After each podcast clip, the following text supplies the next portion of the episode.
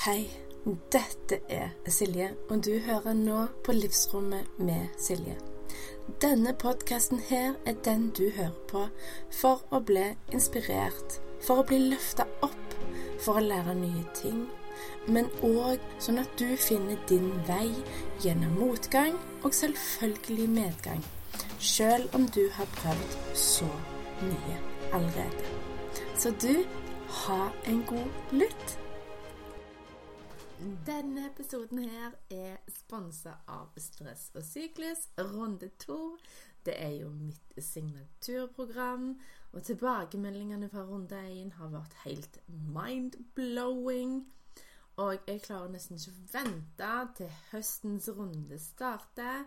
Og hvis du har lyst å leve mer eh, på lag med kroppen din, spille på lag, være en teamplayer Forstå din kvinnelige berg-og-dal-bane, såkalt kalt hormonelle balanse, og alle de fantastiske aspektene som går med hormoner, og hvordan de spiller inn på ulike deler av kroppen. Så er tidspunktet til å hoppe ned fra gjerdet. Bli med på Stress og syklus runde to. Påmeldingen er åpen, og ut den fjerde i niende så får du nydelige Early Bird-priser. Hallo, hallo, og velkommen til en ny episode i Livsrommet med Silje. Og eh, jeg har fått flere spørsmål om relatert til når hverdagen begynner igjen, når sommerferien er over, når skolen er tilbake, når rutinene er på plass. Eller du, eller du føler rutinene må være på plass. Og flere damer de forteller ærlig at jeg har angst for hverdagen. Jeg får noia.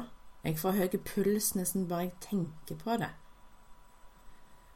Og eh, det jeg kommer til å fortelle nå, det er egentlig mine tanker, mitt svar til deg som, som spurte om det, eller som ytra disse meningene.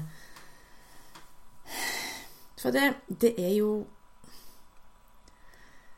Jeg har jo en sånn greie at hvis du planlegger og rommer det som du kjenner riktig for deg i hverdagen, så higer man jo mindre etter ferien. Man, man, lengter mindre etter ferien, og man setter enda mer pris på det man har hver dag. Men jeg forstår det godt. Ferie er jo deilig. Det er jo det er avbrudd, det er tid, det er pust, det er ekstra lave skuldre, det er å slippe å smøre matpakke, slippe å kjøre til håndballtrening eller svømmetrening eller i hva dere gjør. Men jeg tenker det er alltid alltid noe det går an å gjøre. Og det som jeg har tenkt jeg ville dele med deg nå, det var det at jeg vil at du skal kjenne etter. Og da når du kjenner etter hvordan du vil ha det, så skal du ikke være stressa. Du skal ikke ha eh, høy puls, høyt blodtrykk, ha tusen ting du skal fikse, du har ei to do-liste som du vil krysse av. Nei, når du setter deg ned og kjenner etter hvordan du vil at hverdagen din skal være, så skal det være fra en plass av raushet, sjølrespekt, egenkjærlighet og rett og slett bare som om du vil gi deg sjøl en, en klem. Og når du kjenner etter hvordan hverdag du ønsker å ha, du vil ha, så skal det ikke være hvordan naboene har det, eh, hvordan det, du tror det er forventa at du skal ha det. Nei, jeg vil at du skal gå inn i deg og virkelig kjenne etter. Hvordan er det jeg ønsker å ha det? Hvordan kjenner jeg at det er riktig for meg? Og det der er så mange svar på det spørsmålet som det er mennesker der ute, og som det er lyttere som hører på. Så jeg kan ikke fortelle, fortelle, deg hva som er riktig for deg, men jeg kan gi deg en pekepinn eller to og noen verktøy på veien, sånn at du blir mer kjent med den delen av deg som, som vil hjelpe deg å finne ut av hvordan møte høsten og hverdagen fra et mer chill eh, sted, fra mer lyngenhet, fra mer raushet, romslighet, kjærlighet. For eh, hvis du ønsker deg eh, mindre forpliktelser, mindre tid på jobb, mer tid med barn eller barna, så er det jo noe du må tenke på hvordan du skal få til det. Eh, og hvis du har en mann eller en partner, så er det jo å ha en dialog. Hvordan å se på økonomien. Hvordan kan, kan vi Kan vi samarbeide for å få til at den ene går ned litt i prosent? Eh, er det noe dere kan selge for å ha finansene som støtter det dere ønsker? Eller bare det at du har lyst på mindre stress på morgenene. Det kan være så enkelt òg. Jeg, jeg, husker mange morgener med kjempestress der jeg hadde en klump i magen av dårlig samvittighet nesten hele dagen etterpå. Og det er jo ikke gøy. Det tror jeg du kjenner deg igjen i. Og du vet jo det. Det er ikke gøy med sånn dårlig samvittighet-klump og, og den der gnagende følelse. Så hva kan du gjøre, spør deg sjøl, hva kan du gjøre i forkant, sånn at du gjør det lettere for deg sjøl når du trenger det? Og da kan jeg nevne alt fra matpakker, eh, sekker, tøy, eh, rommene til ungene, eh, deg sjøl. Det er noe det der med det mentale aspektet med å gjøre det klar. Det kan være å rydde gjennom eh, klærne dine i skapet. Eh, og sortere ut det som du vil gi til Fretex, det som du vil selge. Det, du kan gjerne finne fram favoritthøstgenseren din. Det er jo litt symbolikk du kan på en måte ta med deg hvis du kjenner at det er riktig for deg. Men i dag så rydda jeg gjennom eh, skuffene med matbokser og plastbokser og glassbokser og stålbokser. Altså sånn skuffer eller flere skuffer med all slags. Så har jeg lagd ei egen skuffe til skolejentene, for vi har tre skolejenter. Med òg med vannflasker, sånn at de vet at de har alt de trenger på én plass. Det er kun ei skuffe de trenger å forholde seg til, og da slipper de å lete etter lokkene, for da alt ligger samla på én plass. Eh, og så er det jo det der med det overordna perspektivet. Nå begynner det et nytt skoleår. Garantert så har ungene forventninger, forhåpentligvis positive. At de på en måte de gleder seg til å gå og bli en tredjeklassing, for i fjor var de en andreklassing. Det er jo en del av den prosessen. Men som mor og far, det å være travel og stressa, føle at livet er hektisk, føle at det er dårlig tid, så vil jeg egentlig bare reframe det. Jeg vil gi deg et nytt perspektiv. Så istedenfor å ha det travelt, istedenfor å stresse med det hektiske livet og den dårlige tida, så har du innholdsrikt. Og innholdsrikt er et så ufattelig mye mer positivt lada ord. Hvis du tenker at ei bok Hvis ei bok er, eh, er stressa eller hektisk, så er jo ikke det en positiv konnotasjon. Nei, nei, hvis ei bok er innholdsrik, så kan du jo slå opp. Du blir tatt med på en reise. Og det er liksom Det er mye inni der. Så jeg velger heller å si at mitt liv, det er innholdsrikt. Med tre unger, to jobber, en podkast og mye, mye annet så vil jeg heller ha innholdsrikt. Og hvis jeg møter livet mitt med eh, åpenhet, nysgjerrighet, raushet og litt sånn Ja, dette blir bra. Istedenfor 'Å nei, jeg har dårlig tid til å få gjort bla, bla, bla'. Det, 'Jeg er superstressa, jeg føler meg bla, bla, bla'. Så avgrenser man seg sjøl med en gang. når man er på en måte i det um, scarcity um, mindsettet, da, istedenfor å få ta det engelsk abundance, rikholdighet-mindsettet. Så bare finn ut hva velger du? Hvordan vil jeg se på livet mitt? Og så er det òg en annen fantastisk reframe som jeg elsker. Du som mor, du tar garantert ørten oppvasker, klesvasker. Du rydder gjerne noen rom, du vasker bad, du støvsuger, kanskje du vasker gulv òg, eller vinduer. Jeg er ikke så god på å vaske vinduer, for å være helt ærlig. Så er det jo det. Man tenker når man står med skrubbekosten eller oppvaskkosten eller gulvvaskekosten Og jeg må gjøre det, eller jeg gjør det. Men det som man òg kan gjøre, eller når du sitter og bretter klær Det vet jo de fleste mødre godt hva er. Eh, jeg får bretta klær istedenfor jeg må brette klær. For det er de små tinga som endrer hvordan du føler om de de tingene eller de elementene i livet ditt som faktisk er uunngåelige. Hvis ungene dine skal ha rene klær, og de er ikke gamle nok ennå eller vil vaske sjøl, så faller det jo på deg eller mannen din, eller hvis du har hushjelp eller ei mor eller noen andre som hjelper til, så er det jo flott, det. Men det må jo gjøres. Så det er ganske uunngåelig, for vi vil jo at både vi sjøl og ungene skal ha rene klær. Og de, eh, kanskje du òg er sånn som meg, som det å vaske klær og henge opp, det tar ganske raske tid. Men det å gjerne brette de og få de på plass, det kan ta lang tid. Så det er det der perspektivet med at du må kontra du får.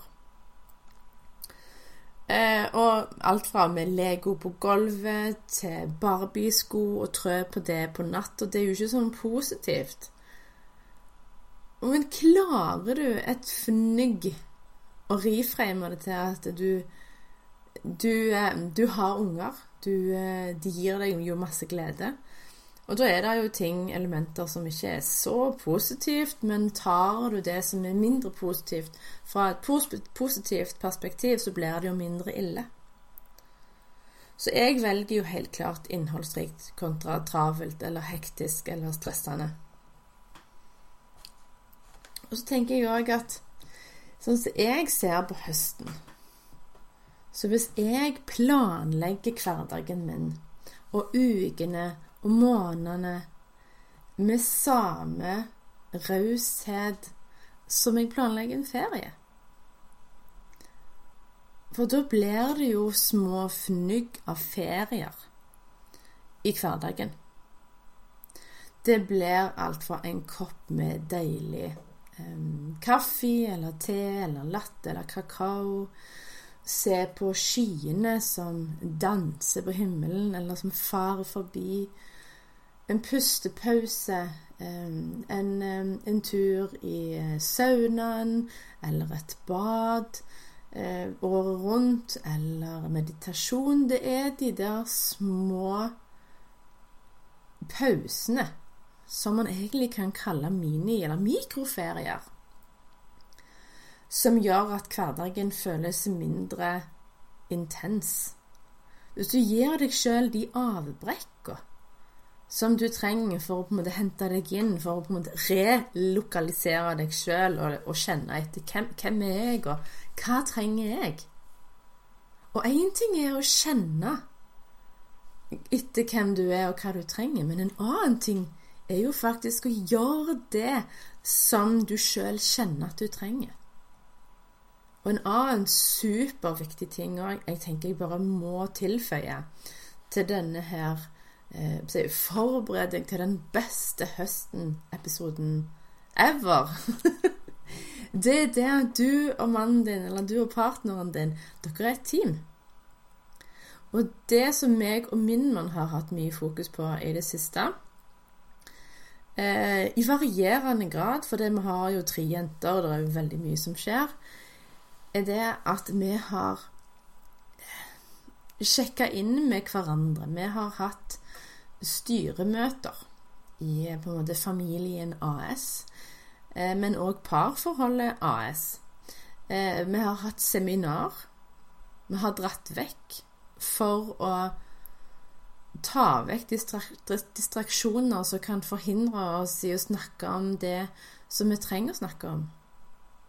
Vi har blitt enige. Vi har um, lufta det vi har um, følt har vært for lite av, eller feil, eller justert. Vi har snakket om forventninger, behov og ønsker. Både i soveromsavdelingen, bare sånn at det er sagt, det her er inkludert, men òg i samarbeidsrollene i familien. Vi har snakket om eh, ungene. Hva trenger ungene? Hvor skal vi ha fokus? Hvordan skal vi sørge for at alle tre får nok oppmerksomhet, tid, kos, tilstedeværelse, men òg eh, egentlig alenetid med foreldre. For unger de trenger jo å bli sett på sin måte. Og det som jeg egentlig følte i starten av min rolle som trebarnsmor, det var det Det var så lett å sammenligne. Eh, for, for, selv om de var ulik alder, så følte jeg på en måte at jeg måtte være den samme mora til alle tre. Men etter hvert som de har vokst opp, og hun eldste er jo tolv nå, så skjønner jeg det at jeg kan jo ikke være den samme mora til alle tre, for det at de tre er forskjellige. Det nytter jo ikke å sammenligne de, eller sammenligne min rolle som mor, for det at jeg, jeg eh, I mother them differently. Eh, for det at de er forskjellige. Eh, og det var en, en stor aha. Um, og to av tre forteller jo at um, jeg forskjellsbehandler.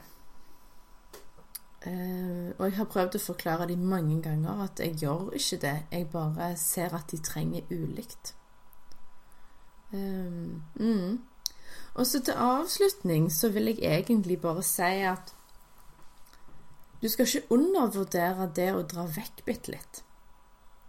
Rett og slett komme deg vekk for noen timer. Fjelltur, en strand. Nå er det jo fint vær store deler av Norge en stund fram igjen òg. Eller hvis du kommer deg vekk i helg. Eh, her i byen i Stavanger så er, det, jo ei greie med å bytte stue. Jeg vet ikke om det fungerer på samme måte i resten av landet.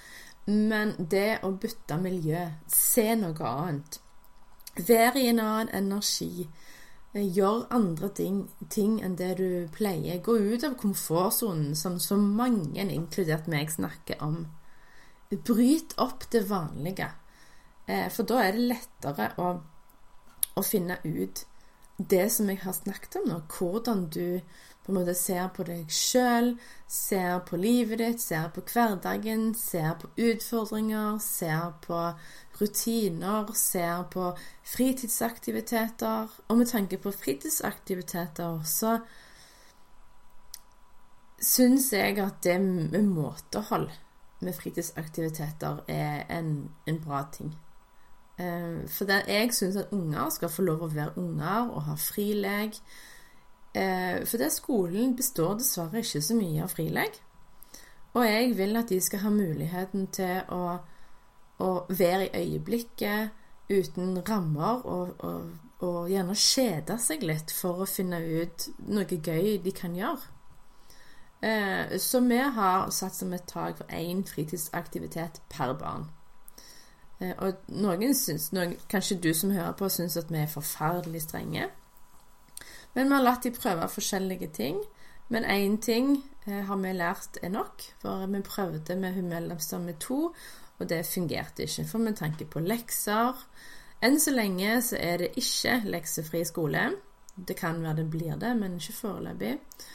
Eh, sånn at det er jo litt lekser som skal gjøres, og det liker vi at barna gjør når de kommer hjem fra skolen, før de går i gang med så mye annet.